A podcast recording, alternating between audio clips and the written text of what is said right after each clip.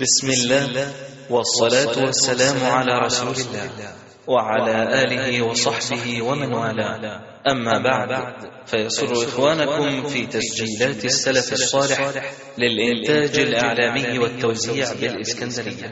أن يقدموا لكم هذه المادة لفضيلة الشيخ فضيلة الشيخ مصطفى دياب. إن الحمد لله نحمده ونستعينه ونستغفره. ونعوذ بالله من شرور أنفسنا ومن سيئات أعمالنا. من يهده الله فلا مضل له ومن يضلل فلا هادي له وأشهد أن لا إله إلا الله وحده لا شريك له وأشهد أن محمدا عبده ورسوله صلى الله عليه وسلم. ثم أما بعد نبدأ بمشيئة الله الليلة في قصة صحابي جليل جديد وهو الطفيل بن عمرو الدوسي. الطفيل بن عمرو الدوسي رضي الله عنه. والطفيل بن عمرو الدوسي من دوس. دوس هذه تقع عند جبال تهامة على شاطئ البحر الأحمر على ساحل البحر الأحمر. فهو يقطن في هذه المنطقة وهو من أكابر رجال هذه القرية يعني من سادة هذه القرية. نعم هو لم يكن قائدها ولكن كان من سادات القوم فيها وكان من علية القوم فيها.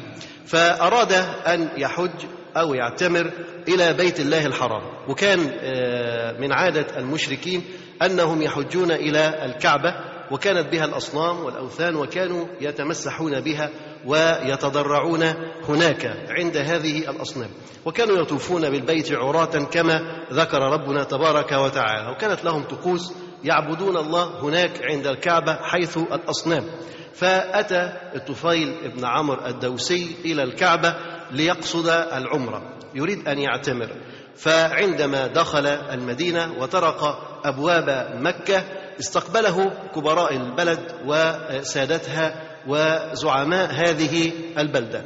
وهم يعني يأخذون بيده ألا يسمع لهذا الرجل الذي ظهر في بلدتهم والذي يدعي النبوة. ثم يحذرونه وكأنهم ينصحونه ألا يسمع من هذا الرجل شيئا. والطفيل بن عمرو الدوسي لم يكن رجلا كسائر الرجال لكنه كان فطنا ذكيا لبيبا شاعرا أديبا فهو يفهم الكلام ويعرف كيف يزن الكلمات. ومع هذا تأثر بعبارات قريش وبكلمات قريش وعزم على ألا يسمع من النبي صلى الله عليه وسلم شيئا وهو لا يعرفه. لكنه عزم ألا يسمع من النبي صلى الله عليه وسلم شيئا. وزاد الأمر أن وضع قطنا في أذنه تخيل وضع قطنا في أذنه حتى لا يسمع شيئا من النبي صلى الله عليه وسلم ثم قصد الكعبة ليطوف بها. وفعلا وصل الكعبة وطاف بالكعبة. فإذا به يجد النبي صلى الله عليه وسلم هناك يصلي. لكن النبي صلى الله عليه وسلم كان يصلي صلاة غير صلاتهم. ويقول أذكارا وكلاما غير كلامهم فأعجبه مظهر النبي صلى الله عليه وسلم ولكنه في حيرة. هذا هو الذين يحذرون منه هذا هو الذي يحذرون منه. يقولون هذا لا تقربوا لا تسمعوا. ماذا يفعل؟ رجل شكله جميل هيئته جميلة صلاته جميلة لكن مأمور ألا يأتي إليه ولا يكلمه ولا يقربه. فأراد أن يكون بعيدا عنه لكن الله سبحانه وتعالى أراد له أن يسمع بعض كلمات من النبي صلى الله عليه وسلم. هو يطوف وبينما هو كذلك إذ دنا من النبي صلى الله عليه وسلم. اقترب منه قليلا فسمع بعض كلمات النبي صلى الله عليه وسلم وكان يتلو القرآن. فأعجب بهذه الكلمات ولكنه استمر في طوافه وفي أمره حتى انصرف النبي صلى الله عليه وسلم. ثم تبعه إلى بيته. هذا الرجل تبع النبي صلى الله عليه وسلم إلى بيته. ثم قال له إن قريشا قد أخبرتني عنك أنك تفعل كذا وكذا وكذا. ذكر له كل ما قالت قريش. قال له ثم إني وضعت قطنا في أذني حتى لا أسمعك. يعني كان صريح جدا وكان واضح جدا مع النبي صلى الله عليه وسلم. فقال له عرفني بالإسلام. فعرفه النبي صلى الله عليه وسلم بالإسلام عرض عليه الإسلام وقرأ عليه آيات من القرآن الكريم فأعجب بها وانبهر لبهائها وجمالها وحسنها ثم أسلم. ومن توه أراد أن ينشر هذا الدين ويعلي كلمة ربنا تبارك وتعالى. فأمره النبي صلى الله عليه وسلم أن يذهب إلى قومه وأن يقوم بواجب الدعوة إلى الله عز وجل في هذا المكان بلده دوس. وفعلا استجاب الطفيل بن عمرو الدوسي وذهب إلى بلده. تخيل هو رجل وحيد يذهب إلى بلده ليدعو البلد بأسرها. يدعو قومه كلهم هو رجل واحد. ومع ذلك لم يقل العبء ثقيل لكنه توجه إلى إلى بلده وقام فعلا بالدعوة إلى الله عز وجل. بمجرد دخوله إلى بلده قابله والده يرحب به ويثني عليه رجل مسافر. فقال له يعني أنا بريء منك أنا بريء منك لست مني ولست منك. فطبعا الرجل اتصدم. ماذا تقول؟ ما هذا؟ قال لقد أسلمت. فطبعا الرجل لا يعرف شيء عن الإسلام. فقال خلاص ديني دينك. يعني زي ما أنت بتعبد أنا أعبد أنا كمان. فعرفه الإسلام فأسلم الرجل. ثم أتت زوجته فقال إليك عني فلست مني ولست منك. يعني لا نعرفك وأنت تعرفين. ماذا؟ قال فرق بيننا الإسلام. فعرفها الإسلام فأسلمت. وأمرها أن تذهب إلى ماء هناك وتغتسل عنده. عند صنم كانوا يعبدونه. فذهبت واغتسلت وأسلمت وعاد هو يدعو قومه إلى الله تبارك وتعالى. مكث بينهم مدة طويلة لكن لم يستجب معه أحد. مدة طويلة قل سنتين أو ثلاثة أو أكثر أو يقل قليلا ولم يستجب معه إلا أبو هريرة رضي الله عنه. إلا أبو هريرة يعني أبو هريرة هذا رجل من تلاميذ من؟ الطفيل بن عمرو الدوسي رضي الله عنه. بعد هذا الجهد أخذ أبو هريرة وذهب إلى النبي صلى الله عليه وسلم ما زال في مكة. فذهب إلى النبي صلى الله عليه وسلم. فأمره آه، النبي صلى الله عليه وسلم أن يخبره بما عنده. يعني كيف تركت قومك؟ قال تركت ورائي فسق وفجور وعصيان وأناس قد عصت ربها تبارك وتعالى ويطلب من النبي صلى الله عليه وسلم أن يدعو عليهم. خلاص بقى البلد ما فيهاش نفع ما فيش خير فيها. قال له ادعو لهم ادعو عليهم. فتوضأ النبي صلى الله عليه وسلم وصلى ورفع يديه إلى السماء ثم قال اللهم اهد دوس اللهم اهد دوس اللهم اهد دوس. هنا أبو هريرة رضي الله عنه عندما رأى النبي صلى الله عليه وسلم رفع يديه إلى السماء فاعتقد أن الرسول صلى الله عليه وسلم سوف يدعو عليهم وأن النبي صلى الله عليه وسلم إذا دعا عليهم فإنهم سيهلكون قطعا لا محالة. فقال وقوماه فقال النبي صلى الله عليه وسلم اللهم اهد دوس اللهم اهد دوس. ثم أمره أن يرجع إلى قومه مرة أخرى. وأن يلين لهم القول وأن يدعوهم إلى الله تبارك وتعالى يبذل قصارى جهده فرجع هو ومعه أبي هريرة رضي الله عنه. فلما عاد إلى البلد صاروا يدعون إلى الله عز وجل. بالليل وبالنهار ما تركوا فرصة ولا مكان ولا وقت إلا ويدعون إلى الله تبارك وتعالى حتى أسلم معهم سبعين بيتا من بيوت قريتهم وبلدتهم. وأسلم معهم رجل يقال له حممة أو حممة هذا الرجل كان والده كان سيد على دوس حاكم على دوس. هذا الرجل عندما أسلم أسلم معه سبعون رجلا. ده رجل لوحده لما أسلم أسلم معه سبعون رجلا ثم أتوا إلى النبي صلى الله عليه وسلم في خيبر فشاركهم النبي صلى الله عليه وسلم وقسم لهم واستمروا مع الرسول عليه الصلاة والسلام في حربه وفي سلمه يدعون إلى الله تبارك وتعالى. فطفيل بن عمرو الدوسي رضي الله عنه رجل له فضل على هذه الأمة. قد يكون هذا الفضل فضل غير مباشر لكنه حسبه أن يكون قد اهتدى على يديه رجل كأبي هريرة رضي الله عنه يحفظ لهذه الأمة دينها. رجل يحفظ من أحاديث النبي صلى الله عليه وسلم الكم العظيم كما ذكرنا أنه يحفظ أكثر من خمسة آلاف حديث عن النبي صلى الله عليه وسلم وهو من أوائل الستة الحفظة لحديث رسول الله صلى الله عليه وسلم. طفيل بن عمرو الدوسي رجل حرب كما كان رجل دعوة ورجل سلم فكان يقود الجيوش ويستأذن النبي صلى الله عليه وسلم أن يحمله بهذا التكليف أن يغزو منطقة أخرى كمنطقة فيها صنم لهم يسمى ذي الشرى فكان هذا وثن يعبد في دوز استأذن النبي صلى الله عليه وسلم أن يأخذ سرية ويذهب إلى هذا الصنم وأن يحطمه فذهب فعلا وحطمه وأسلمت بقية دوس على يديه بعدما رأوا هذا الصنم ينهار أمامهم. فالطفيل بن عمرو الدوسي رجل دعوة وقائد قاد قومه إلى دين الله تبارك وتعالى وكذلك قادهم في حروب الردة فكان له الأثر العظيم على هذا القوم وكذلك له بصمة عظيمة في دوس التي أسلمت وأمنت وعادت إلى النبي صلى الله عليه وسلم. الطفيل بن عمرو الدوسي نمر سريعا على بعض القطوف من سيرته وشأنه رضي الله عنه. الطفيل بن عمرو الدوسي سيد قبيلة دوس في الجاهلية وشريف من أشراف العرب المرموقين وواحد من أصحاب المروءات المعدودين. لا تنزل له قدر عن نار ولا يوصد له باب أمام طارق. يطعم الجائع ويؤمن الخائف ويجير المستجير. وهو إلى ذلك أديب أريب لبيب. وشاعر مرهف الحس ورقيق الشعور. بصير بصير بحلو البيان ومره حيث تفعل فيه الكلمة فعل السحر. هذه الفقرة نلحظ فيها كرم وسخاء وكثرة عطاء الطفيل بن عمرو الدوسي في الجاهلية.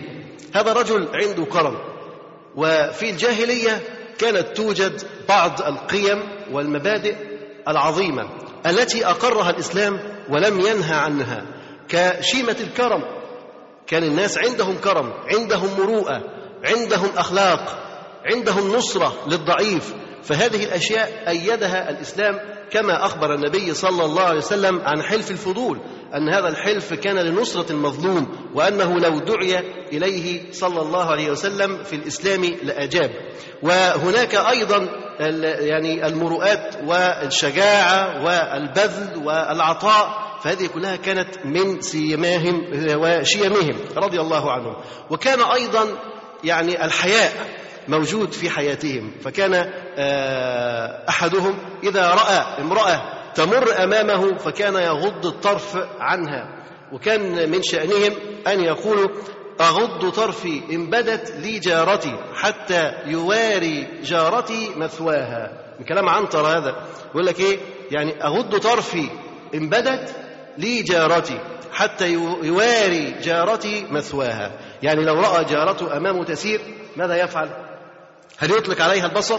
لا ولكنه يغض بصره حتى يواريها مثواها حتى تذهب إلى محلها الذي تريد أن تذهب فيه. فهذا أمر به القرآن غض البصر. فليست كل القيم والمفاهيم والشيم التي كانت موجودة في الجاهلية نهى عنها الإسلام. ولكن ما وافق الإسلام أقره الشرع. والنبي صلى الله عليه وسلم قال الناس معادن كمعادن الذهب والفضة. خيارهم في الجاهلية خيارهم في الإسلام. إذا فقهوا. الناس معادن كمعادن إيه؟ الذهب والفضة. فخيارهم في الجاهلية خيارهم في الإسلام. ولكن إذا فقهوا إذا تعلموا هذا الدين إذا أحسنوا في هذا الدين فإنهم يكونون كما كانت لهم المنزلة والكرامة والشرف والشأن في جاهليتهم يكون كذلك لهم في إسلامهم. فالإنسان معدن. فإن كان الإنسان عنده مروءة فلا شك أن هذه المروءة تزيد وتقوى عندما يدخل في الإسلام. إذا كان عنده عفة فهذه العفة تزيد وتقوى كذلك عندما يلتزم ويدخل في دين الله عز وجل. إذا كان يغض بصره قبل التزامه فإنه حين يلتزم يكون هذا أقوى لأنه يعمل بكتاب الله تبارك وتعالى. فالإنسان إذا كان عنده مبادئ طيبة حسنة قبل التزامه وقبل عمله بكتاب الله وسنة النبي صلى الله عليه وسلم فيجب عليه أن يزداد حرصا عليها وتمسكا بها بعد انقياده لشرع الله تبارك وتعالى.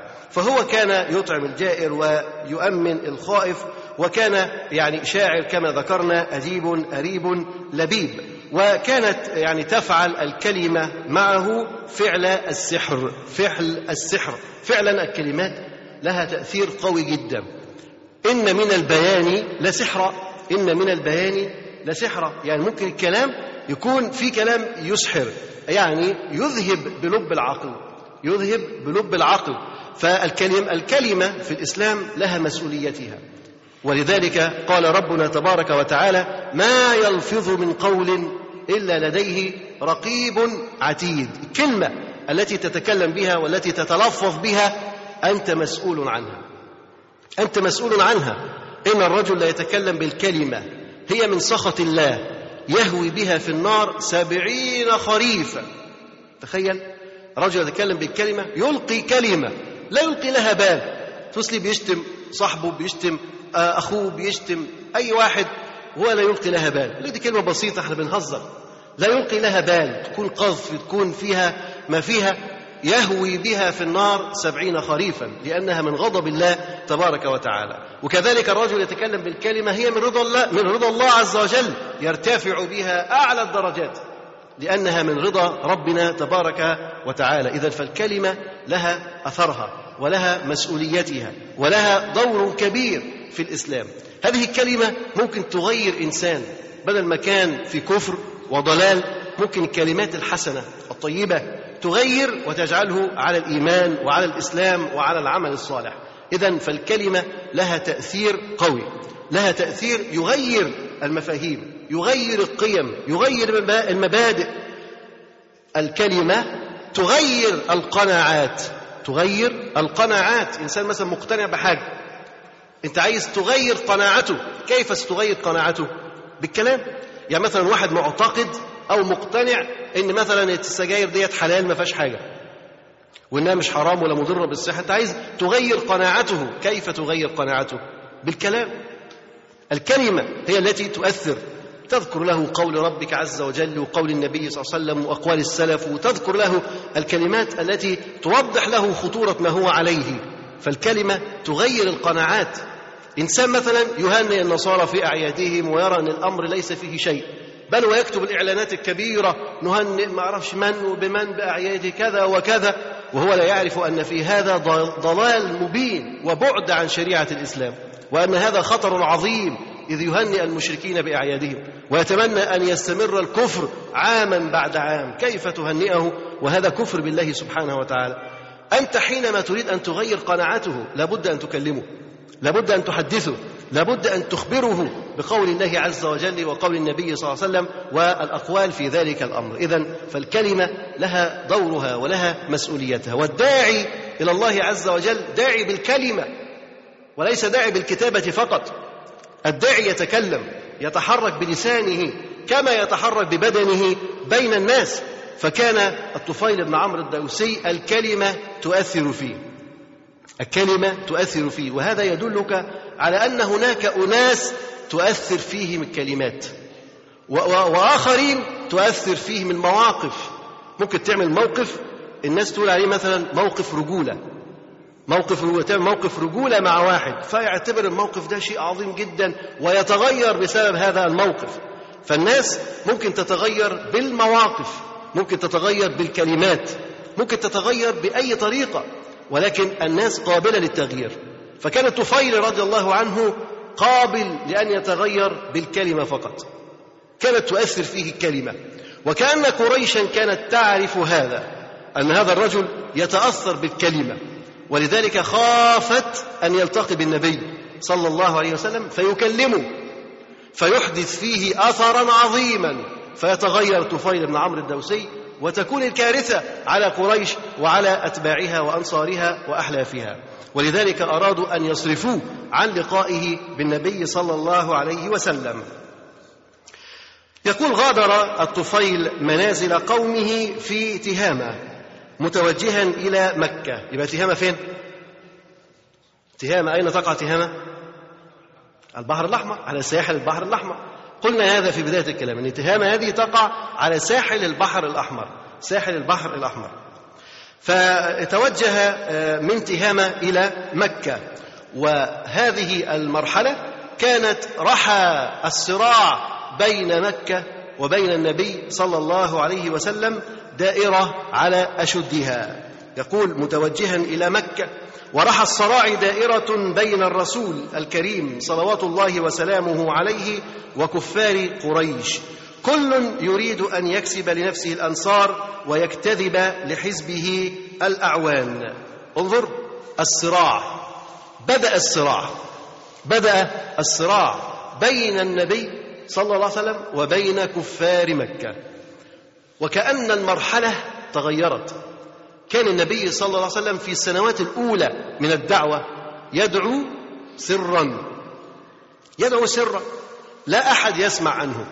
لكن النبي صلى الله عليه وسلم يتحرك بين الناس هنا وهنا وهنا ويجذب الأنصار ويدعوهم إلى دين الله تبارك وتعالى ويؤسس ويبني رجال لهذه الدعوة المباركة. ثلاث أعوام والنبي صلى الله عليه وسلم يسر بهذه الدعوة. لكن قطعا لابد أن يظهر أثر هذه الدعوة المباركة.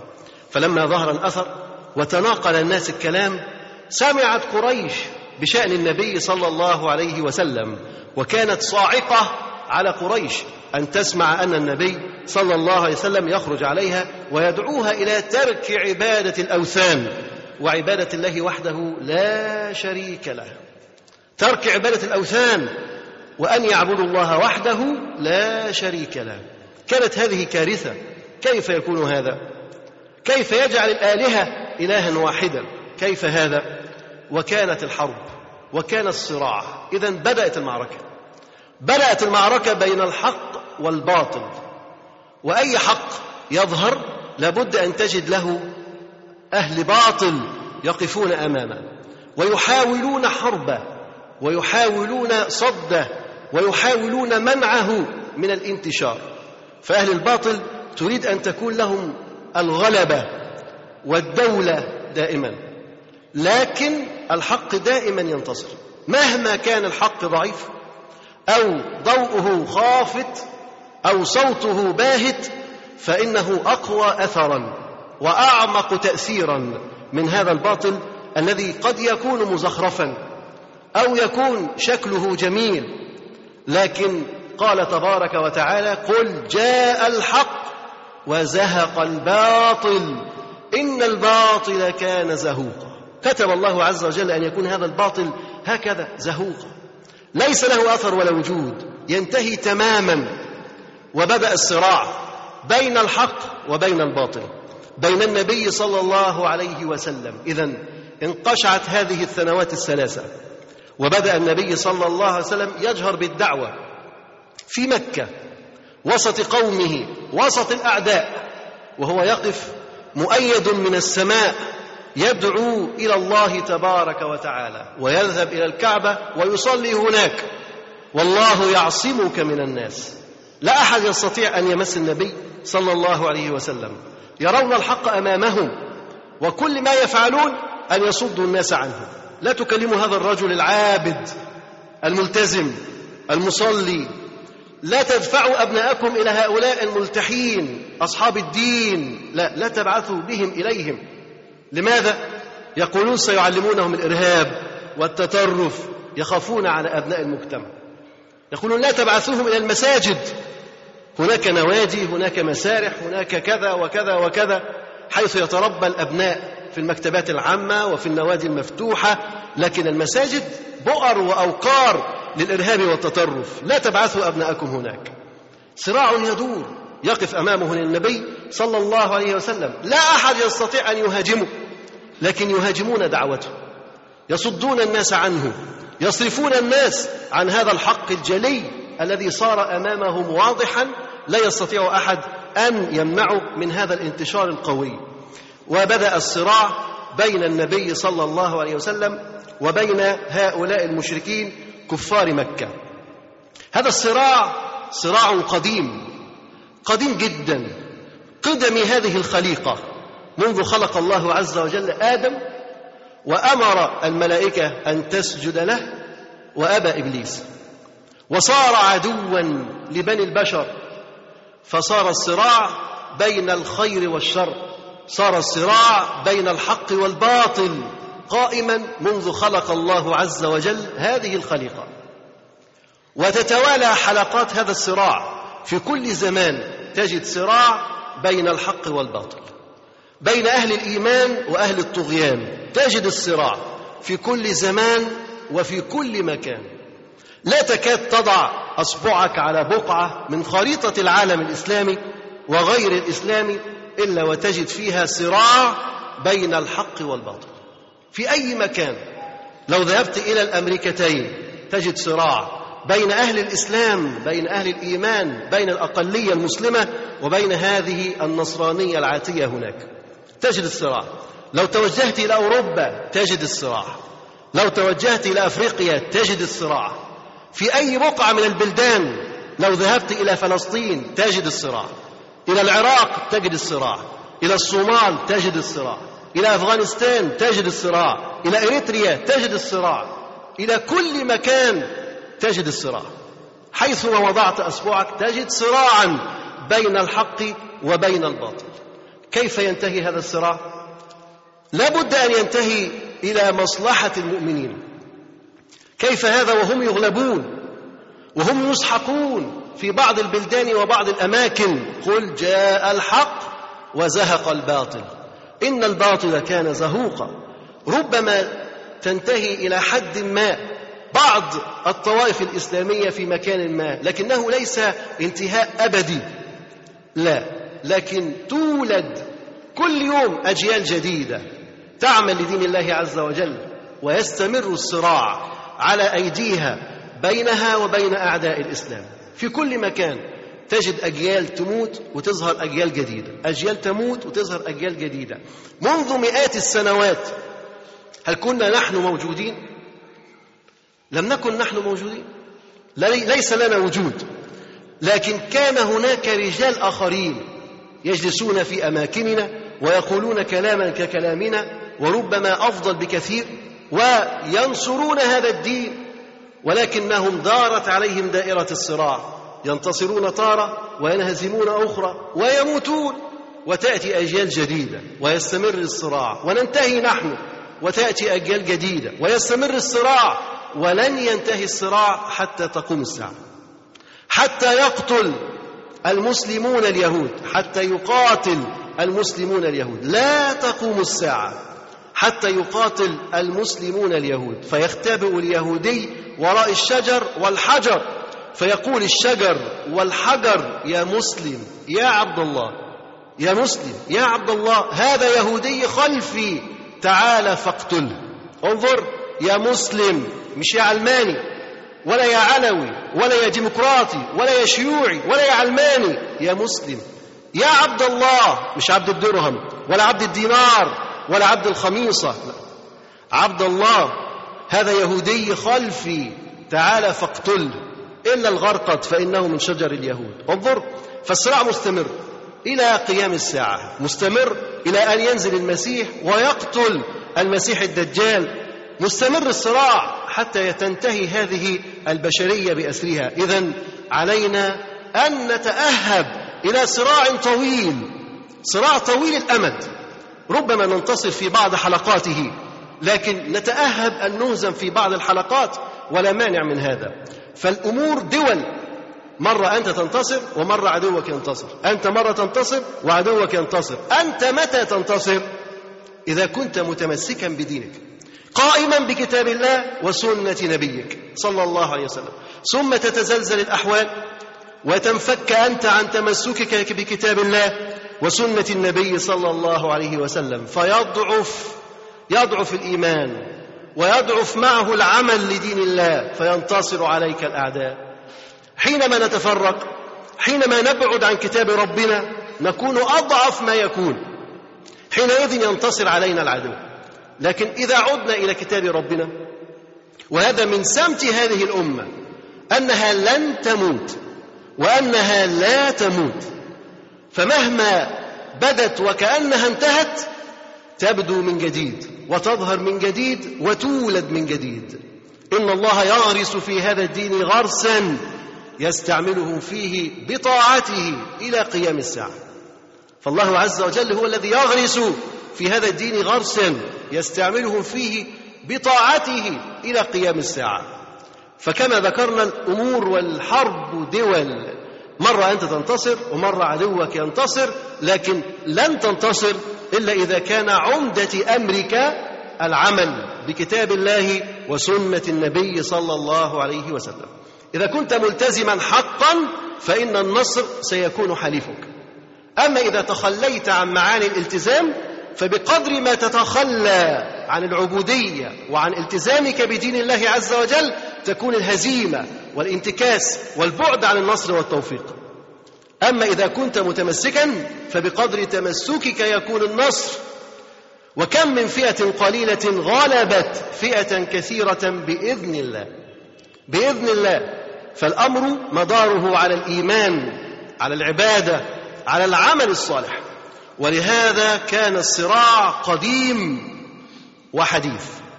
يحدث نفسه بنفسه. كل فترة يحدث تحديث للصراع من جديد. وفي هذا الشأن كنت أمر على جريدة. هذه الجريدة مكتوبة سنة 1413 يعني كم سنة؟ سبعة سنة كم؟ 14 سنة. 14 سنة تقريبا. فوجدت فيها عنوان غريب. كأنه ينشر الآن. كأن هذا العنوان ينشر الآن. فصورت الورقة وقلت أقرأها. العنوان ماذا يقول؟ طبعا الجريدة اسمها جريدة الوسط. اسمها جريدة الوسط. العدد رقم 46 تاريخ 14 12 1992 دي الجريدة نشرت الخبر ده في هذا التاريخ.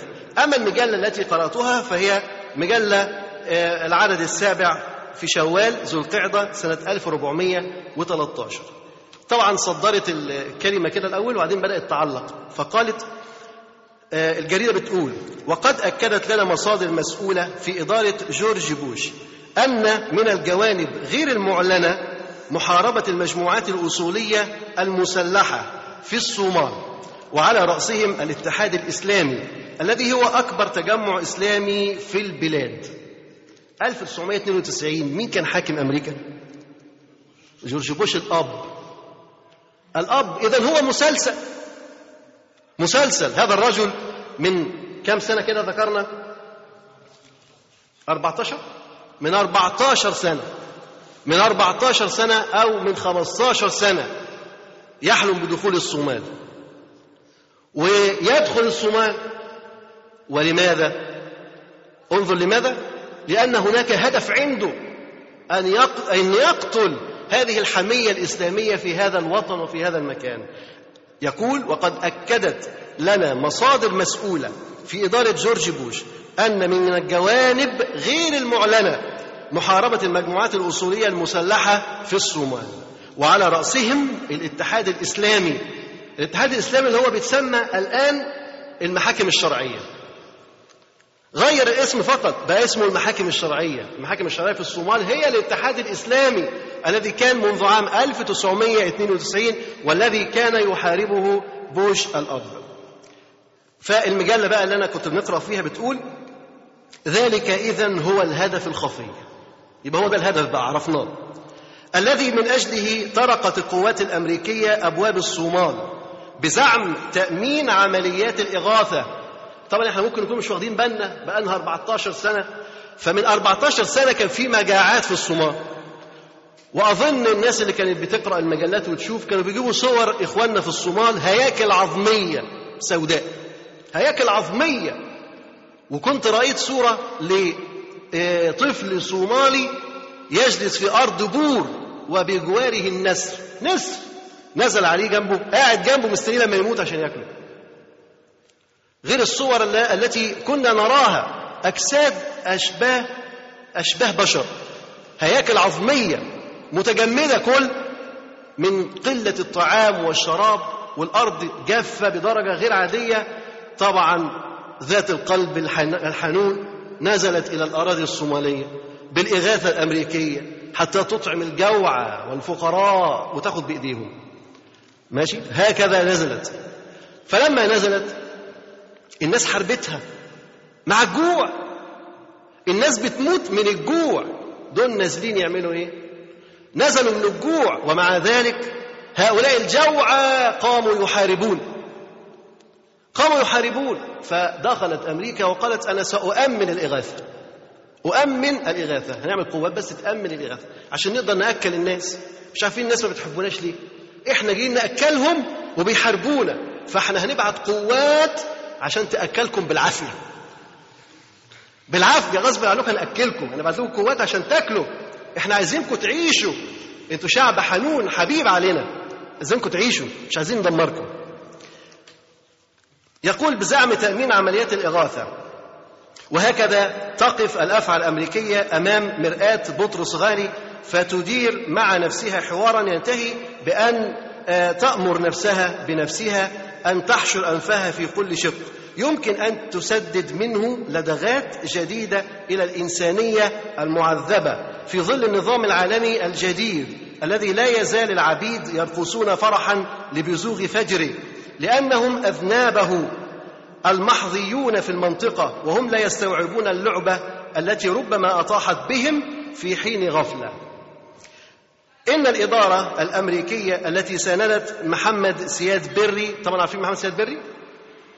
ده كلام في السياسة خالص ده كان رئيس الصومال زمان. محمد سياد بري طبعا السياسة الأمريكية هي اللي سندته. في تسلطه على الشعب الصومالي كان بيبيد الصوماليين. محمد سياد بري ده مجرم كان بيبيد الصوماليين. أمريكا ساعدته عشان يأكل الصوماليين. بيبيدهم تساعده لأن أسلحته ضعيفة. مش قادر أمام القبلية الصومالية فساعدته حتى يقضي على شعبه. فكانت تساعده على تسلطه على الشعب الصومالي ومحاولة إدارة بوش بالذات مكافأة نظام سياد بري على مذابحه للمسلمين المنطلقين من المساجد. يج... انطلقوا من المساجد. ناس تصلي وتخرج من المساجد كان يقتلهم. وهذا كان من أهداف الإدارة الأمريكية القضاء على هؤلاء الذين يصلون في المساجد. طبعا من الأهداف أيضا هذه الحملات الصليبية الجديدة على الصومال. وتذكر المجلة الأهداف باختصار إن الهدف الأولاني كان من الهجوم على الصومال وقتها السيطرة على البوابة الجنوبية للبحر الأحمر. السيطرة على البوابة الجنوبية للبحر الأحمر لأن الصومال يعني تأخذ 3330 كيلو متر على الساحل البحر الأحمر. يعني هي أكبر دولة بتاخذ على ساحل البحر الأحمر. فهي لما تكون في قبضة الأمريكان يبقى أخذوا البحر الأحمر بقى بحيرة بالنسبة لهم. طبعا هي السعودية بالنسبة لهم مش مشكلة فكده أخذوا الصومال يبقى العملية بقت بحر بالنسبة لهم كأنها بحيرة. أيضا الهدف الثاني تطويق السودان. زمان زمان طبعا سنة 92 كان لسه ما فيش جنوب السودان وشمال السودان. كان لسه كلها جزء واحد. فكان هدفها تطويق السودان وإيجاد زعزعة في جنوب السودان وإيجاد دولة صليبية في جنوب السودان. ده من سنة 92 يفكرون في هذا الأمر. وكانت وسائل الإعلام بت إيه؟ يعني بتندد بمن يقاومون الأمريكان. وتقول لقد كان التدخل في الصومال عملا انسانيا. وسائل الاعلام العميلة وقتها كانت بتندد بالذين يهاجمون الأمريكان والذين يسبون الأمريكان وأنتم تشتموهم ليه؟ دول بيعملوا عمل إنساني في الصومال لقد كان التدخل في الصومال عملا انسانيا فلماذا لم يكن في ليبيريا أو في السودان؟ تفضلوا كمان ليبيريا تفضلوا كمان السودان هكذا يعزمون عليهم بدخول هذه البلدان وأيضا يقول إن شعوبا تجوع وتموت في ليبيريا والسودان وجنوب العراق دون وجود معونات تقدم لها. الأماكن دي تشاوروا عليها وروحوا أكلوا الناس اللي هناك. جنوب السودان ليبيريا وجنوب العراق. طبعا ليبيريا عشان كان فيها توجه إسلامي وكانت هتبقى دولة مستقلة وجنوب السودان لإقامة دولة صليبية هناك والعراق لأنكم ترون الآن بأعينكم. من سنة 92 وهذا الكلام يقال. أيضا من الأهداف الأساسية لدخول أمريكا الصومال سنة 92 دعم أثيوبيا النصرانية. أثيوبيا نصرانية اللي بتحارب دلوقتي الصومال. دولة نصرانية وهي الرصيد العالي للنصارى في أفريقيا. وهي تعتبر من أقوى الأماكن التي تدعم التنصير في القرن الأفريقي بأسره. ولذلك أرادت أمريكا أن تدعم هؤلاء النصارى في أفريقيا حتى يقفوا شوكة قوية ويكونوا كالعصا التي يهددون بها ويحاربون بها كل من يتمرد عليهم في أفريقيا. أيضا من الأسباب أو من الأهداف تقوية مراكز هيئات التنصير هيئات التنصير أرادوا أن هم يقووا شوكتها في آه، أفريقيا فلابد أن هم يكونوا في مكان كالصومال أيضا ومن أهم الأسباب القضاء على الاتجاه الإسلامي المتنامي. الاتجاه الإسلامي كان بداية باتجاه إسلامي وكان من الممكن أن يكون له غلبة وشوكة فأرادوا أن يقضوا على هذا الاتجاه الإسلامي المتنامي. وذكروا في جريدة بعنوان الإسلام المتطرف يزحف إلى القرن الإفريقي. بيقول الإسلام المتطرف يزحف إلى القرن الإفريقي. جاء فيه إنه حسب مصادر صومالية ومراقبين ومراقبين أجانب فإن مجموعات أصولية إسلامية عالية التسليح تنتشر في الصومال لإقامة حكم إسلامي في المنطقة. وإن أبرز هذه المجموعات حزب الاتحاد حيث يمتد نشاط الحزب من الشمال إلى الحدود الشمالية لكينيا. وأهم أهداف هذا الحزب توحيد مختلف القبائل الصومالية تحت لواء الإسلام.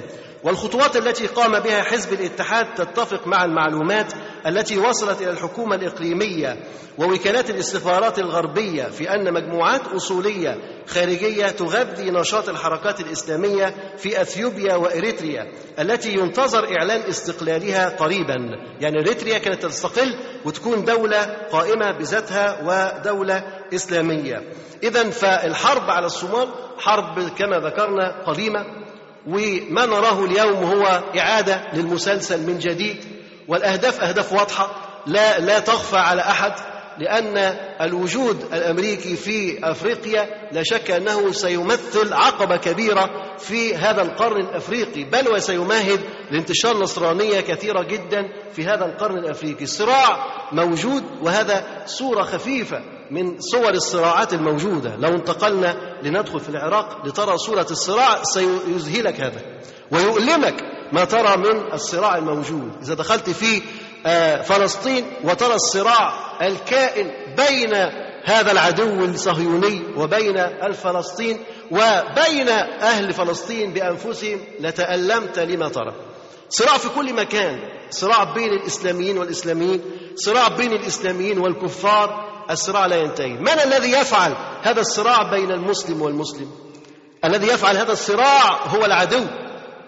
العدو هو الذي يصنع هذا الصراع. حتى نكون دائما متشتتين متفرقين لا نكون جبهة واحدة لا نكون يدا واحدة ونضعف ونضعف. وهكذا هكذا ما أخبرنا عنه ربنا تبارك وتعالى ولا تنازعوا فتفشلوا وتذهب ريحكم. هذا ما أخبر به ربنا تبارك وتعالى أن النزاع يؤدي إلى الفشل يؤدي إلى ذهاب الريح. لا يكون لك أثر. هكذا يريد العدو. ولهذا إما أن نكون في صراع مع عدونا أو يفتعل هذا العدو صراعا بيننا وبين إخواننا. ولذلك يجب على المسلم أن يكون فطن أن يكون واعيا لهذه المكائد وهذه الحيل التي تضار بهذه الأمة. يريدون لها الضياع يريدون لها أن تنهار لكن دين دين ربنا تبارك وتعالى باق وظاهر لا محالة. مهما فعلوا يريدون ليطفئوا نور الله بأفواههم. والله متم نوره ولو كره الكافرون. فنور ربنا تبارك وتعالى ظاهر لا محالة. ولكن الأمر يحتاج إلى صبر ويحتاج إلى جهد ويحتاج إلى إخلاص لله تبارك وتعالى. فالصراع طويل الصراع مستمر الصراع لا ينتهي الصراع يتنوع. كل يوم لك خصم أنت تصارعه. كل يوم أنت في صراع مع عدو جديد.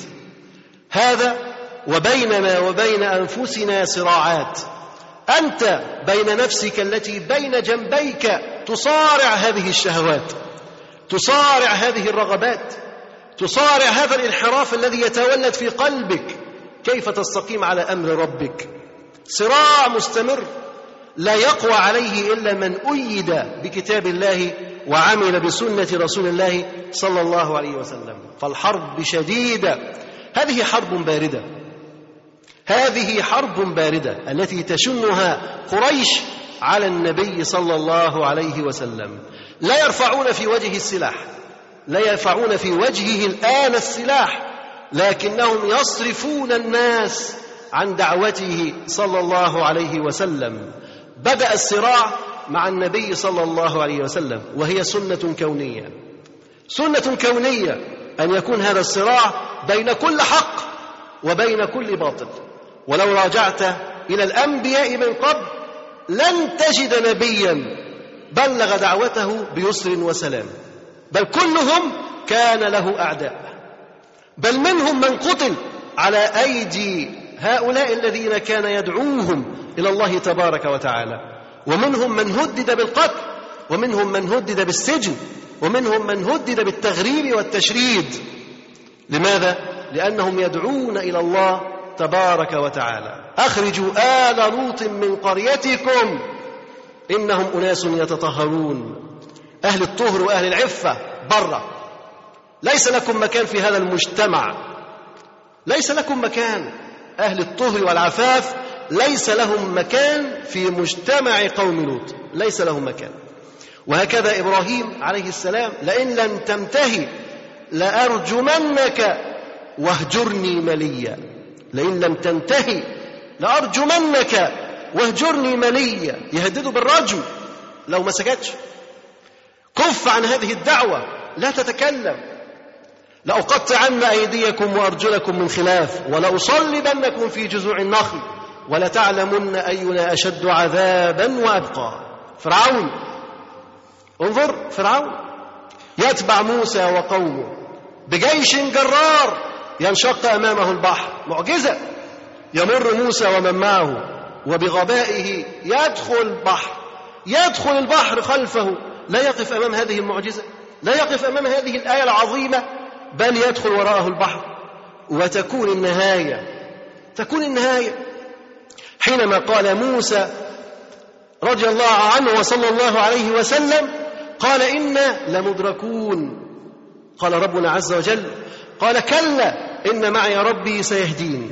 قال قوم موسى لموسى إنا لمدركون. قال موسى كلا إن معي ربي سيهدين. فهداه ربه عز وجل أن اضرب بعصاك البحر فانفلق فكان كل فرق كالطود العظيم. مر موسى ونجأ وهلك بعده فرعون. هكذا نهاية الطغاة. هكذا تكون نهاية الطغاة. لكن هل انتهى الصراع؟ قد ينتهي طاغية. قد يزول طاغية. لكن هل بزوال الطاغية ينتهي الصراع؟ إن الصراع مستمر بين الحق والباطل ما دامت السماوات والأرض. مستمر. ولذلك على أهل الحق أن يستمسكوا بالحق الذي هم عليه. وأن يصبروا لأن الطريق طويل والأمر شاق ويحتاج إلى رجال صدقوا ما عاهدوا الله عليه كأصحاب النبي صلى الله عليه وسلم. غادر الطفيل منازل قومه في تهامة متوجها إلى مكة ورحى الصراع دائرة بين الرسول الكريم صلى الله عليه وسلم وبين كفار قريش. كل يريد أن يكسب لنفسه الأنصار ويجتذب لحزبه الأعوان فالرسول صلى الله عليه وسلم يدعو لربه وسلاحه الإيمان والحق. سلاحه الإيمان والحق. قلنا أنها حرب باردة. ليس هناك سلاح ناري فيها ولا غيره لكنه سلاح الإيمان وسلاح الحق. هذه هي المرحلة. تحتاج إلى هذا السلاح سلاح الإيمان وسلاح الحق. هل لنا أن نتخلى في وقت ما عن هذا السلاح؟ الإيمان والحق؟ لا. لا ينبغي لنا ولا يجوز لنا ولن تستقيم أحوالنا إلا إذا تمسكنا بهذا السلاح المتين الإيمان. الإيمان والحق. الذي أتى به الرسول صلى الله عليه وسلم. هذا سلاح قد تقول هذا سلاح الضعيف لكنه مستمسك بربه تبارك وتعالى. فيكون قويا يكون قويا مهما بدا لك. تقول لك تقول الدعاء الدعاء هيعمل إيه الدعاء؟ الدعاء الدعاء له أثر عظيم. الدعاء ينصر ربنا عز وجل به أقوام.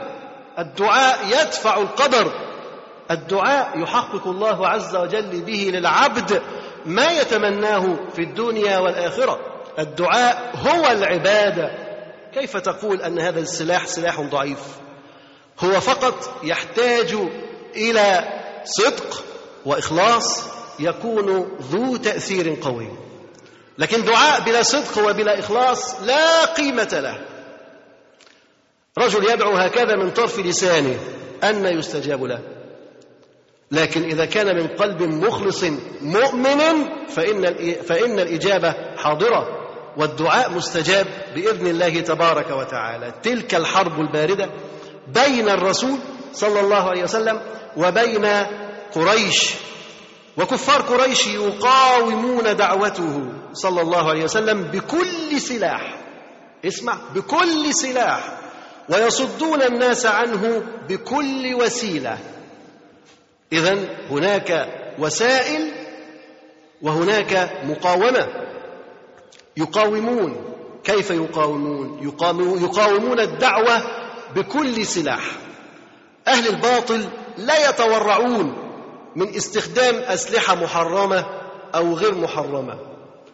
تجد الدول كبرى واتفاقيات ومؤتمرات وممنوع استعمال الأسلحة المحرمة دوليا. والعنقوديه وعندما تبدأ الحرب على المسلمين تنسى جميع المعاهدات وتنسى جميع الاتفاقيات ويقذف المسلمون بكل أنواع الأسلحة المحرمة قبل غير المحرمة. قبل غير المحرمة لا يستحيون وليس عندهم عهد ولذلك يقاومون الدعوة بكل سلاح. سواء كان مشروع أو غير مشروع. ليس عندهم قيم ليست عندهم مبادئ. كما يقولون لا ديمقراطية لأعداء الديمقراطية. تيجي تقول طب أنا هبقى ديمقراطي وآخد نفس الأمور ونفس الحظوظ؟ يقول لك لا أنت عدو الديمقراطية. طب وبعدين؟ يقول لك أنت دخلت في قانون جديد. لا ديمقراطية لأعداء الديمقراطية. ما المطلوب؟ مطلوب إنك تكفر حتى تنعم بهذه الامتيازات التي يعيشون فيها لا ديمقراطية لأعداء الديمقراطية. لابد أن تكون مثلهم قلبا وقالبا. قلبا وقالبا. ولذلك لن يرضى عنك أعداؤك إلا إذا كنت مثلهم. إلا إذا كنت مثلهم. مش ممكن يرضوا عنك ولا إن هم يدوا لك إلا لو كانوا راضيين عنك.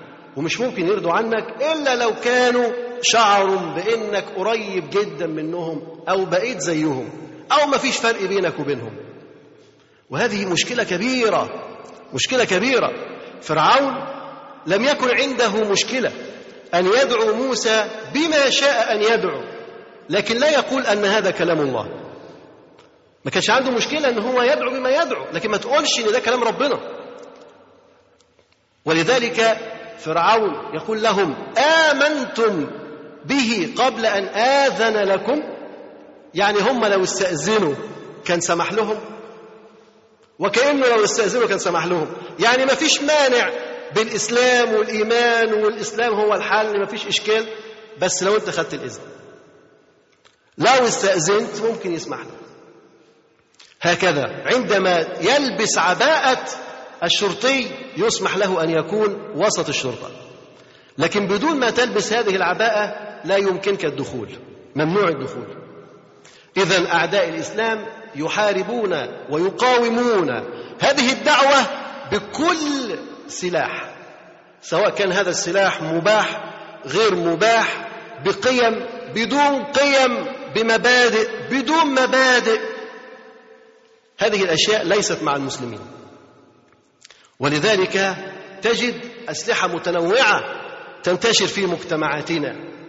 ينشرون بين شباب الأمة المخدرات أليس هذا سلاح؟ ينشرون بين شباب الأمة الزنا والفواحش أليس هذا سلاح؟ ينشرون هذه المواقع المخلة على قنوات الفضائية وعلى النت. أكثر المواقع انتشارا هي المواقع الإباحية. أكثر المواقع انتشارا هي المواقع الإباحية.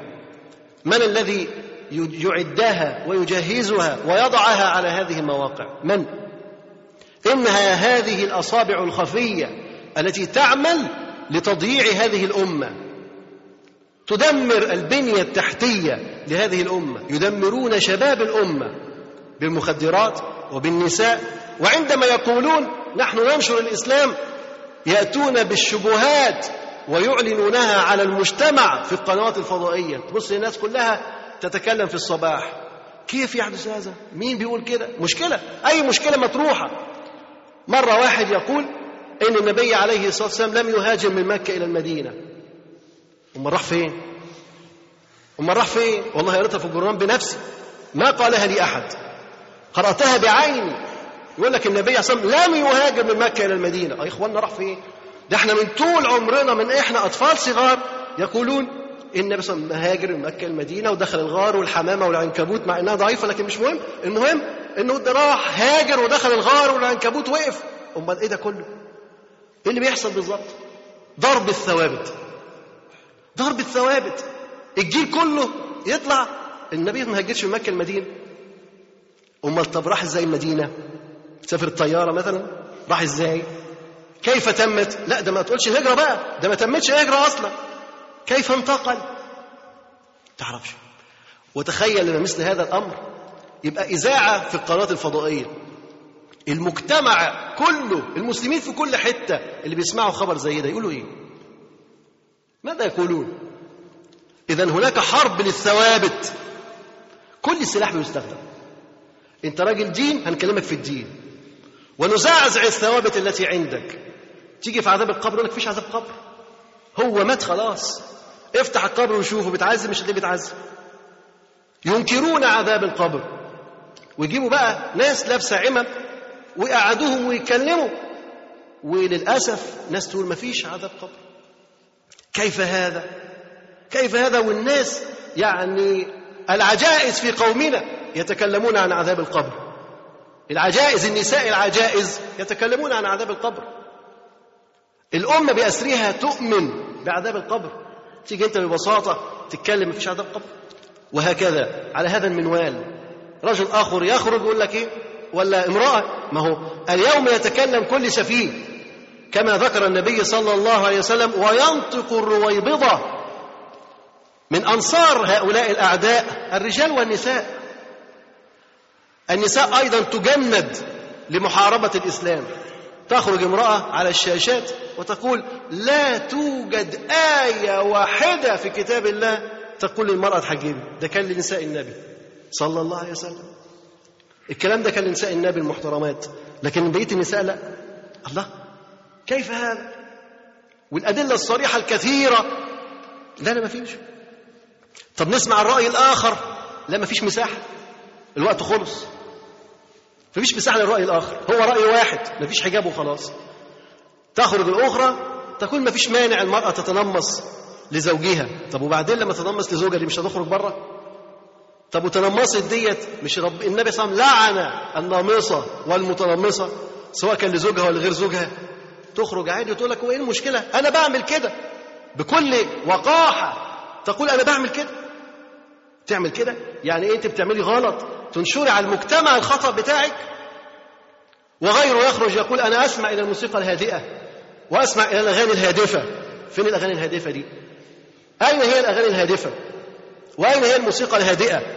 ثم ما حكم الموسيقى سواء كانت هادئة أو صاخبة وما حكم هذه الأغاني هل يجوز للمسلم أن يستمع إلى هذه الأغاني أو هذه الموسيقى والنبي صلى الله عليه وسلم يخبر ويقول لا يكونن من أمتي أقوام يستحلون الحرى والحرير والخمر والمعازف.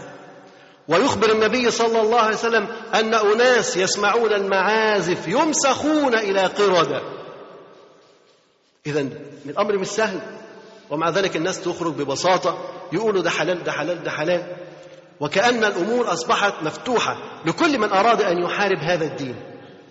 كل من أراد أن يحارب هذا الدين يخرج ويتكلم وتعطى له الميكروفونات حتى يتكلم.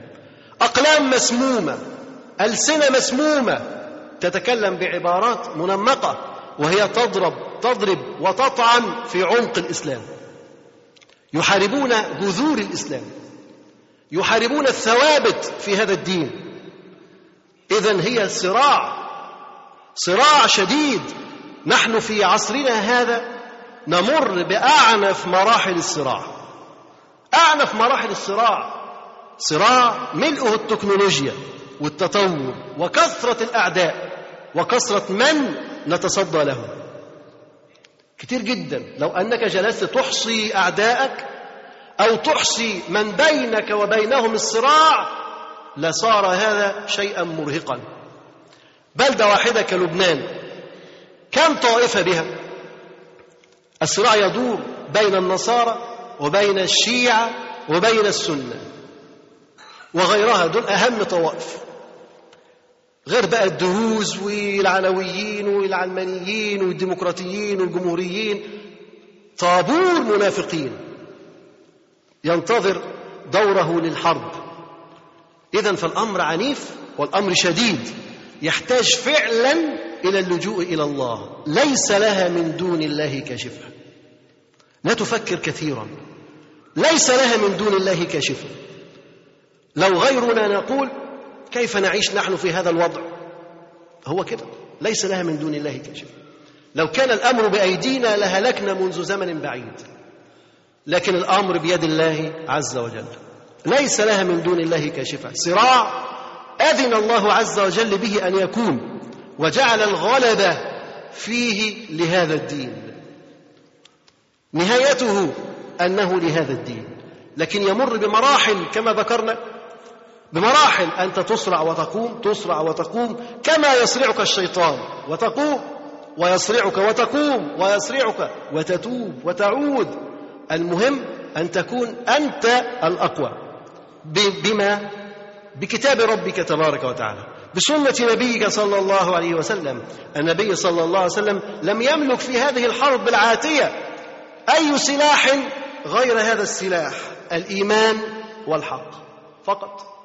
وأعداء الإسلام قريش تملك كل شيء منافذ الدولة في أيديها اللي يدخل يقولون له لا تسمع لمحمد صلى الله عليه وسلم. يمسكون منافذ البلد. الإذاعة والتلفزيون والمرئي وغير المرئي في أيدي قريش يتحكمون فيه كيف شاءوا. أين وكيف يتكلم النبي صلى الله عليه وسلم؟ وصوته إلى من يصل؟ هذا الصوت الخافت إلى من يصل؟ أي مدى يصل إليه هذا الصوت؟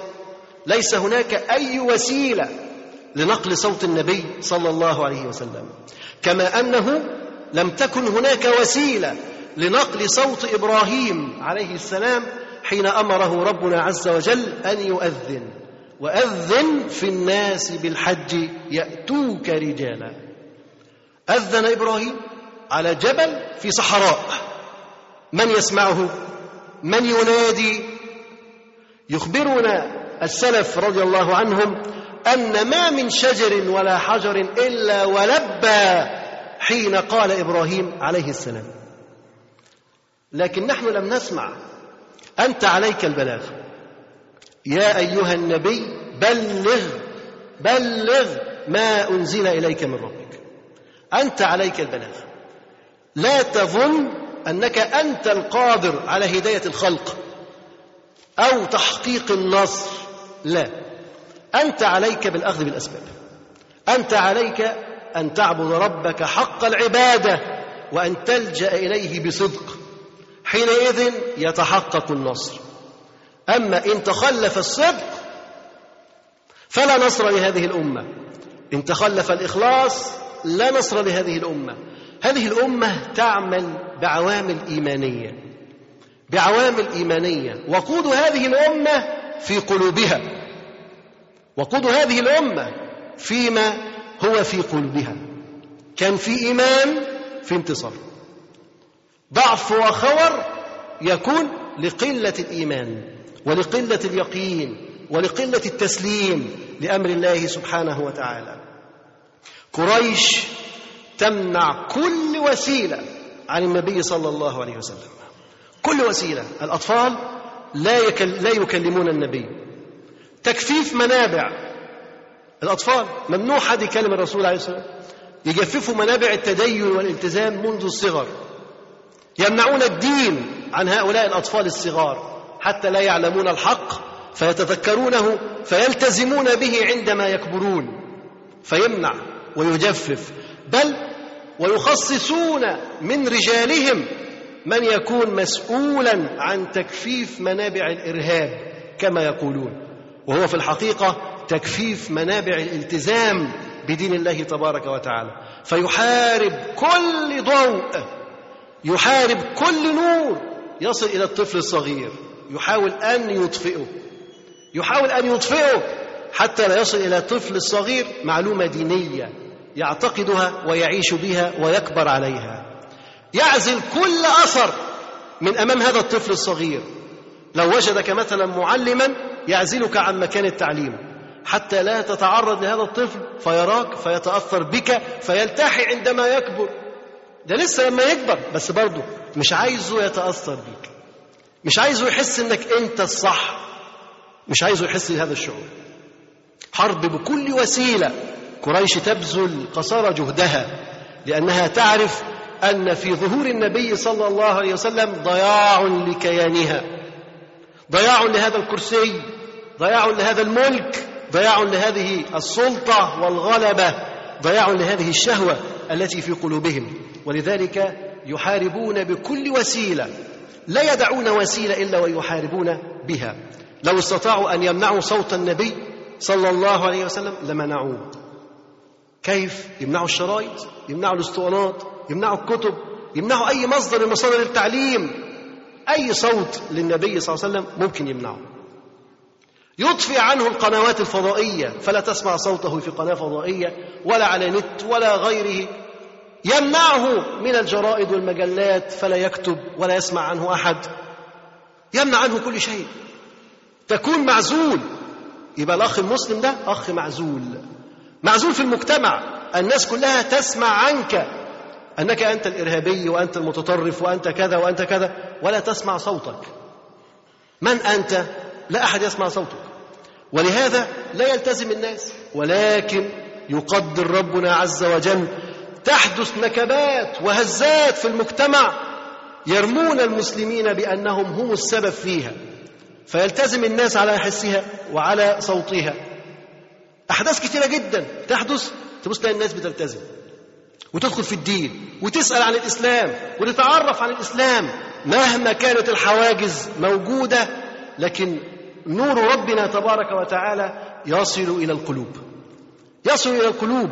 مهما كان صوت الداعي خافت ضعيف لكنه إذا كان ملؤه الإخلاص فإنه سيصل إلى القلوب. قريش كانت تقاوم دعوة الرسول صلى الله عليه وسلم بكل سلاح ويصدون الناس عنه بكل وسيلة بكل وسيلة. إشاعات يشيعون هذا يشككون في شخص الرسول صلى الله عليه وسلم ويرمونه بالإرهاب والتطرف وأنه يفرق بين الأب وابنه وأنه يفرق ويشتت الأسر. يرمونه كذلك بالسلبيات رغم أنه يعرفون أنه نبي مرسل بل ويعرفون أنه ذو حسب ونسب عندهم. ومع هذا يرمونه أيضا بما هو سلبي لا يجوز للنبي صلى الله عليه وسلم كما نرى في عصورنا أحيانا يهاجمون أهل الإسلام تارة يقولون عنه أنه يكفر المجتمع. طبعا الناس ما بتحبش يكفر المجتمع ولا إحنا بنحب يكفر المجتمع لكنهم يرمونه بهذا. فطبعا لما الناس يسمعوا إن فلان الفلاني اللي بيكفر المجتمع كلهم هيكرهوه. تخيل لو أرادوا أن يصبوا غضبهم على داعية مشهور مرموق.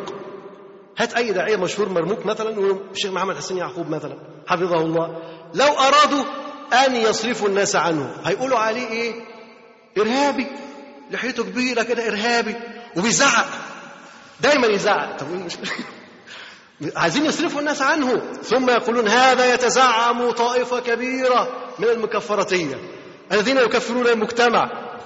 والرجل إذا سئل عن أمر فيه تكفير يعرض عن السؤال يعرض عن السؤال أصلا ما بيجاوبش ومع هذا. ممكن يصمونه بأنه يكفر المجتمع وأنه يتزعم الإرهاب وأنه يحض على الإرهاب لأن هناك الآن قوانين تحاكم من يحض على الإرهاب أو يرضى بالإرهاب أو يشجع الإرهاب أو الإرهابي نفسه كل هذا يعني لو أنت مثلا واحد تكلم أمامك عن شيء وهم يرون أنه إرهاب. وأنت سكت يبقى أنت أقريت. وتروح في الرجلين أنت رحت في الرجلين كده خلاص. أنت رضيت بالإرهاب والتطرف. إذا قريش تحارب بكل وسيلة. أحيانا يشوهون صورة الداعي إلى الله عز وجل ويشككون في ذمته. يعني يقولون هذا الداعي بيشتغلش ده بيجيب فلوس منين؟ بيركب عربية كويسة منين؟ ده ساكن فين؟ وبيدفع الإيجار إزاي؟ وهم بقى ما بيجاوبوش. هم يسيبوا المجتمع يجاوب. يسيبوا المجتمع يجاوب. المجتمع الذي لا يعرف شيئا عن الداعية يتركونه ليجيب. وبالطبع هم قد سلطوا كلابهم ومرضى القلوب حتى ينبشوا في أعراض هؤلاء العلماء. وكما ذكر السلف لحوم العلماء مسمومة وعادة الله في منتهكيها معلومة. فمن تناول العلماء بالسلب عوقب قبل موته بموت القلب. ربنا بيدافع عن العلماء دول. الله عز وجل يدافع. إن الله يدافع عن الذين آمنوا. يدافع. لكن هؤلاء المرضى يخرجون على القنوات الفضائية أو على النت ويشككون في هذا الداعية. يقولون هذا الداعية كيف يعيش؟ كيف يأكل؟ كيف؟ أنت ما شأنك أنت. ما شأنه. افرض وارث افرض عنده تجارة افرض كذا. الداعية يحتاج أن يضع إعلانا في كل مكان كيف يكسب وكيف يعيش وكيف يأكل وكيف يشرب. غير مطالب بهذا. من أنت؟ من أنت وماذا تريد؟ مرضى القلوب. ينبغي أن ينظروا إلى قلوبهم ويصوبوا السهام إلى قلوبهم قبل ما يصوبوها إلى العلماء والدعاة الربانيين الذين يعملون لدين الله تبارك وتعالى الذين يحاولون تشتيت الأمة وتشتيت الشباب من حول العلماء الربانيين. وهذا من الصد عن سبيل الله. وهذا من صور الصراع التي بدت بين الحق والباطل. أهل الباطل أحيانا يستخدمون السجج من المسلمين.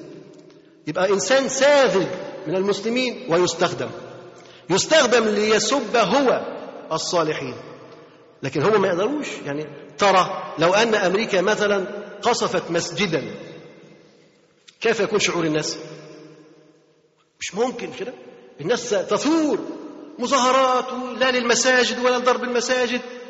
ولو ضرب الشيعة المسجد لا أحد يشعر بشيء. لو قتل الشيعة آلاف المسلمين لا أحد يشعر بشيء. هكذا يفعلون يضعون هذه الأيدي الخبيثة وسط المجتمع ليدمر هو المساجد ويقتل هو المسلمين. حرب بالوكالة.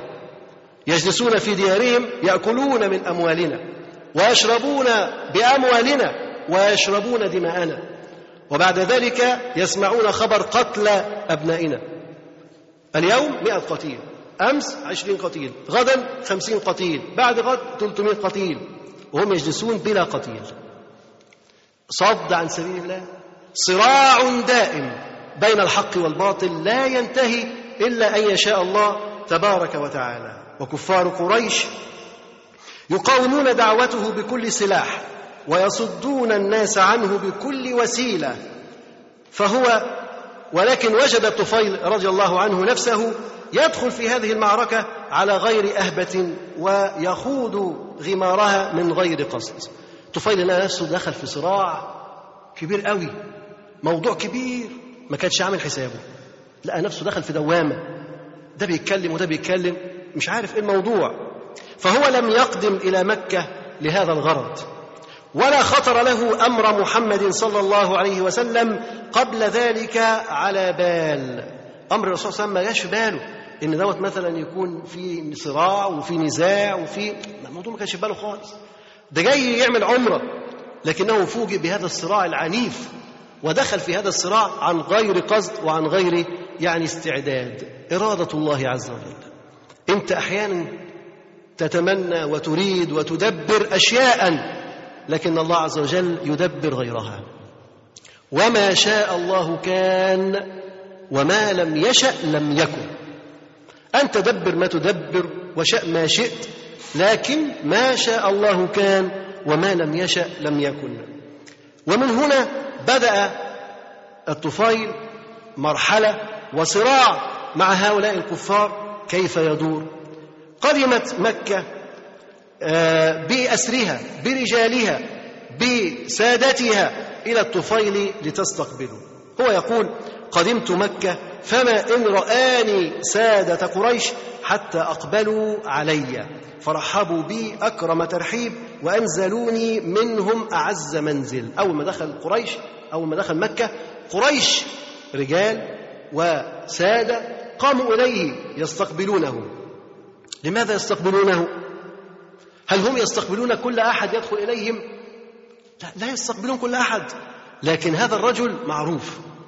هذا الرجل معروف بشعره وأدبه وعلمه وسيادته في قومه ولذلك خافوا أن يكسبه النبي صلى الله عليه وسلم فيكون من أنصار النبي. فقاموا إليه ورحبوا به.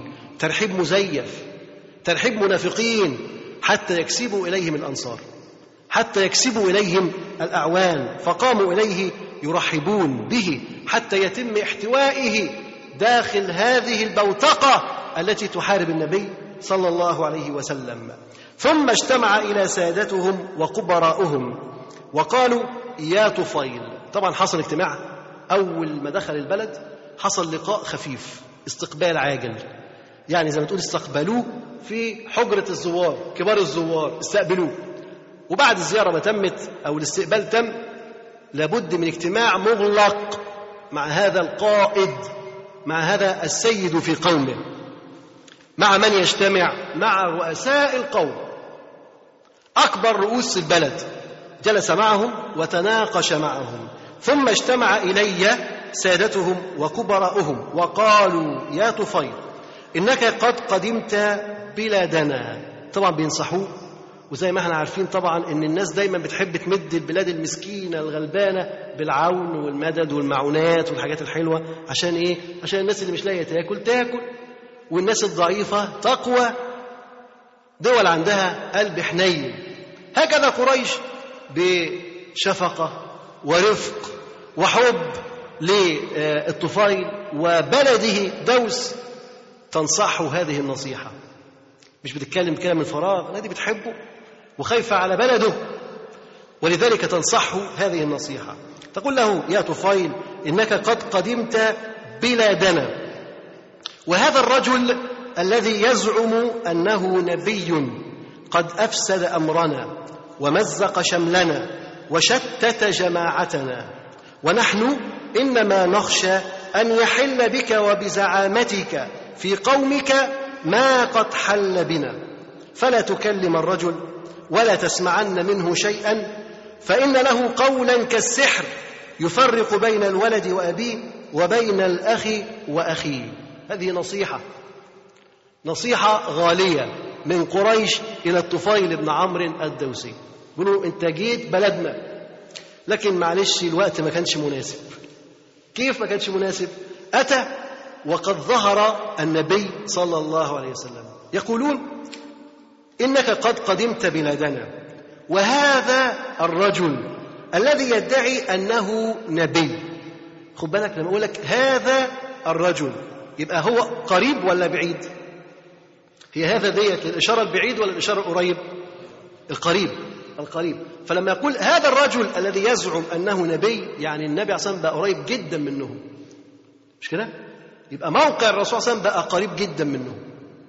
النبي عليه الصلاة والسلام أيضا ينشر دعوته. فتأثير الرسول عليه الصلاة والسلام أصبح قريبا لدرجة إن هو قريب جدا منهم. بيقولوا هذا الرجل. مش بعيد عنهم تأثير الرسول عليه الصلاة والسلام أصبح قريبا. فيقول هذا الرجل الذي يزعم أنه نبي. بيشككوا في إيه؟ في النبوة والرسالة. هذا الرجل الذي يزعم أنه نبي. يعني ده مش متخيلين ممكن يكون في نبي. فيشككون فيه وفي رسالته. يزعم أنه نبي. قد أفسد أمرنا. طب اذا كان هو بالضعف والوهن اللي أنتم بتقولوا عليه وانه بيزعم ان هو نبي وان هو ما فيش حد معاه. طب إزاي شتت أمركم؟ إزاي؟ وانتوا دولة قوية كيف شتت أمركم؟ قد أفسد أمرنا. طب إزاي أفسد؟ ببطلان أمرهم. بين للناس. فضح المجتمع. قال للناس هؤلاء يعبدون الأصنام هؤلاء يفعلون كذا. زنا فواحش شرب خمر منكرات فضح سلبيات المجتمع للناس. فأفسد على قريش. يعني تخيل مثلا لما يكون في محل فاتح وبيبيع خمور والناس مش عارفة إن الخمره حرام. وأنت جيت للناس قلت لهم يا اخوان أنتوا شايفين الخمره حرام؟ دي خمرة ودي حرام. الناس هتبعد عن المحل ولا هتشتري؟ المفترض المسلمين هيبعدوا. يبقى أنت خربت المحل ولا ما خربتوش؟ خربت. النبي صلى الله عليه وسلم عمل كده. عندما رأى الناس تعبد الأصنام وتشرب الخمور وتفعل الزنا والفواحش فضح هذه السلبيات فضح هذا المجتمع لأبناء المجتمع أصحاب العقول. ولذلك الذين عندهم عقل التزموا مع النبي صلى الله عليه وسلم. قالوا قد أفسد أمرنا ومزق شملنا. مزق شملنا. كيف مزق الشمل؟ الاسره كانت مترابطة. اولا هذه دعوة يعني الأسرة عند العرب لم تكن مترابطة لم تكن مترابطة ولكن هم يدعون أن النبي صلى الله عليه وسلم فرق شملهم فرق شملهم يعني جعل الابن لا يرتبط بأبيه وجعل الأب لا يهتم بابنه والأم تترك ابنها كيف؟ على أي أساس؟ وهل يفعل النبي صلى الله عليه وسلم ذلك؟ لا لا يفعل ذلك النبي ولكن الذي حدث أن قضية الولاء والبراء أصبحت قوية واضحة. لا يجوز لمسلم أن يكون له أخ كافر ولا يحب المسلم الكافر. ولذلك إذا أسلم الابن فإنه سوف يبغض والده. إذا أسلم الأب فهو سوف يبغض أبنائه إن لم يسلموا. فقضية الولاء والبراء فصلت بين الأب وأبيه بين الابن وأمه. نظرت قريش إلى هذا الأمر. وكأن النبي صلى الله عليه وسلم شتت أبناء المجتمع وشتت جماعتنا. كانوا مجتمعين على فكرة وهي عبادة الأوثان. حطم النبي صلى الله عليه وسلم هذه الفكرة. هذه قضية كان الناس كلها مجتمعة على أمر أن هذه الأوثان هي معبودهم. أتى النبي صلى الله عليه وسلم وقال أنها لا تضر ولا تنفع وأن هذه أصنام لا تسمع ولا تعقل. وأن هذه الأصنام عبادتها شرك وكفر بالله. إذا الناس انفضت من حول هذه العبادة. أخذ يخاطب الناس عقول وضمائر. كيف تعبدون صنما حجرا لا يسمع ولا يبصر ولا يملك لنفسه شيئا؟ كيف؟ كيف تتركون الله سبحانه وتعالى خالق الكون ومالك الكون؟ كيف تفعلون؟ هز قلوب الناس وهز مشاعر الناس ولهذا حطم هذه الفكرة التي اجتمعت قريش عليها وهي تعظيم وتقديس الأصنام حطمها. ولذلك شتت المجتمع. فرق شملهم بعد ما كانوا مجتمعين على فكرة. وهكذا أنت إذا أردت أن تصرف الناس عن فكرة باطلة لابد أن تفضح هذه الفكرة. لابد أن تدمر هذه الفكرة حتى ينفض الناس من حولها. وشتت جماعتنا ونحن إنما نخشى أن يحل بك وبزعامتك من قومك ما قد حل بنا. طبعا خايفين عليه.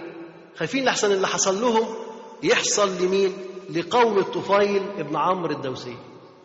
هذا معناه إن دعوة النبي صلى الله عليه وسلم كان لها اثرا عميقا أم لا؟ كان لها أثر عميق ولا لا؟ كان لها أثر عميق. هزت كيان قريش. هزت كيان قريش.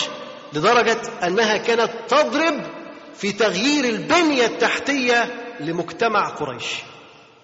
هزت الأفكار هزت المبادئ أصبحت في مقتل حتى إن قريش كأنها تحكي امرا أصبح ميؤوسا من حله.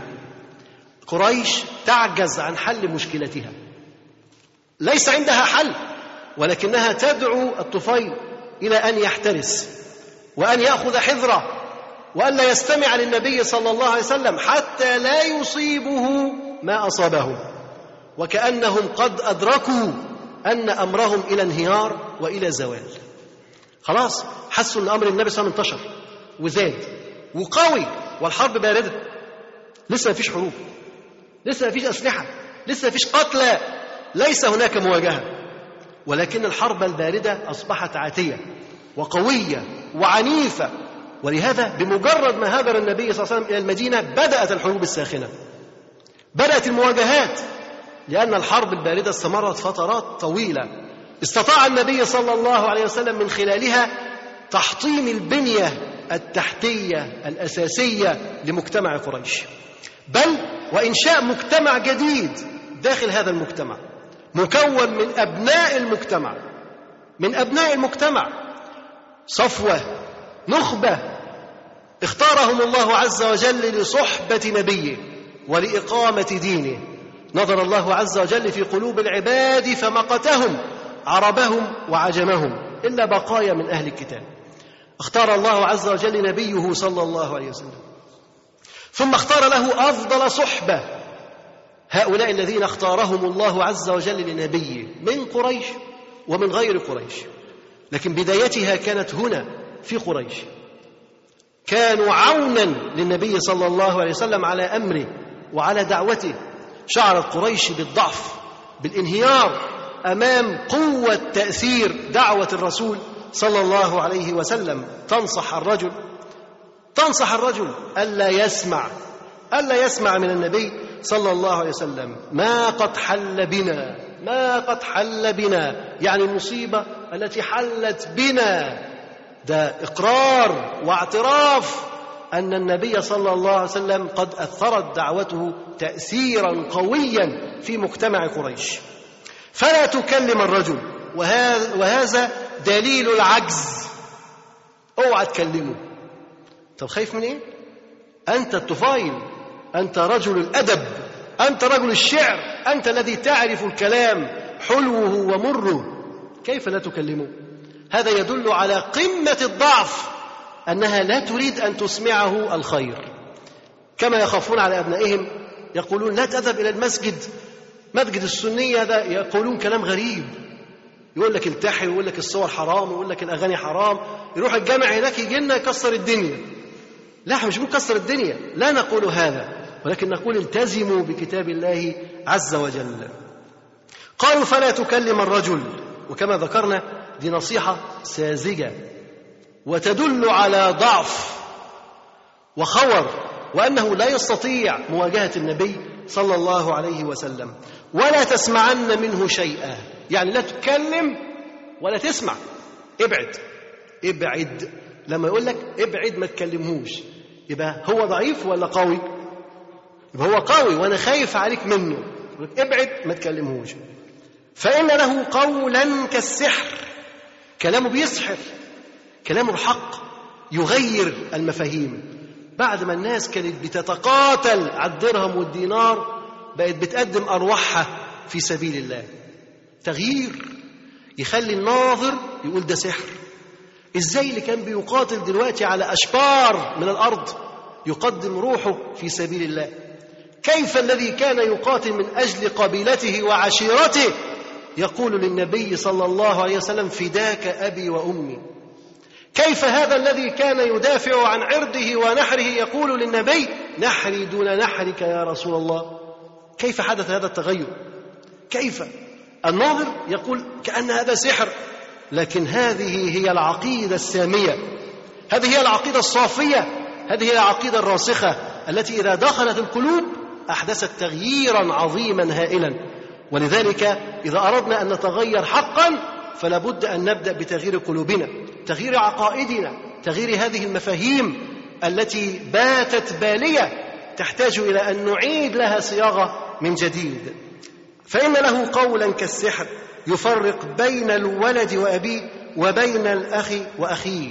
ينصحونه سوف يحل بك ما حل بنا سوف يصيبك ما أصابنا سوف يفرق بين شمل فرقتك وجماعتك.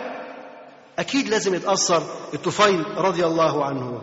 يقول الطفيل فوالله ما زالوا يقصون علي من غرائب أخباره ويخوفونني على نفسي وقومي بعجائب أفعاله حتى أجمعت أمري على ألا أقترب منه ولا أكلمه ولا أسمع منه شيئا. من كتر كلامهم عزم إنه لا هيكلمه ولا هيقرب له لكن هل يستطيع الطفيل أن ينفذ هذا القرار وأن يخطو هذه الخطوة أم أن هناك إرادة أخرى؟ نكتفي إن شاء الله بهذا القدر وسبحانك اللهم وبحمدك أشهد أن لا إله إلا أنت أستغفرك وأتوب إليك السلام عليكم ورحمة الله وبركاته. جزى الله فضيلة الشيخ خير الجزاء. ونفعنا وإياكم بما سمعنا من العلم ورزقنا وإياكم العمل به. ونسأل الله جل وعلا أن يرفع مكانة الشيخ في المهديين وأن يجعله علما من أعلام الهدى والدين. ولا تنسونا وتنسوا الشيخ من دعوة صادقة بظهر الغيب. وختاما تقبلوا تحيات إخوانكم في تسجيلات السلف الصالح بالإسكندرية. هاتف رقم صفر ثلاثة فاصل أربعة تسعة. أربعة سبعة ستة خمسة اثنان. والتليفون محمول صفر عشرة واحد ستة أربعة واحد تسعة ثمانية صفر. والسلام عليكم ورحمة الله وبركاته.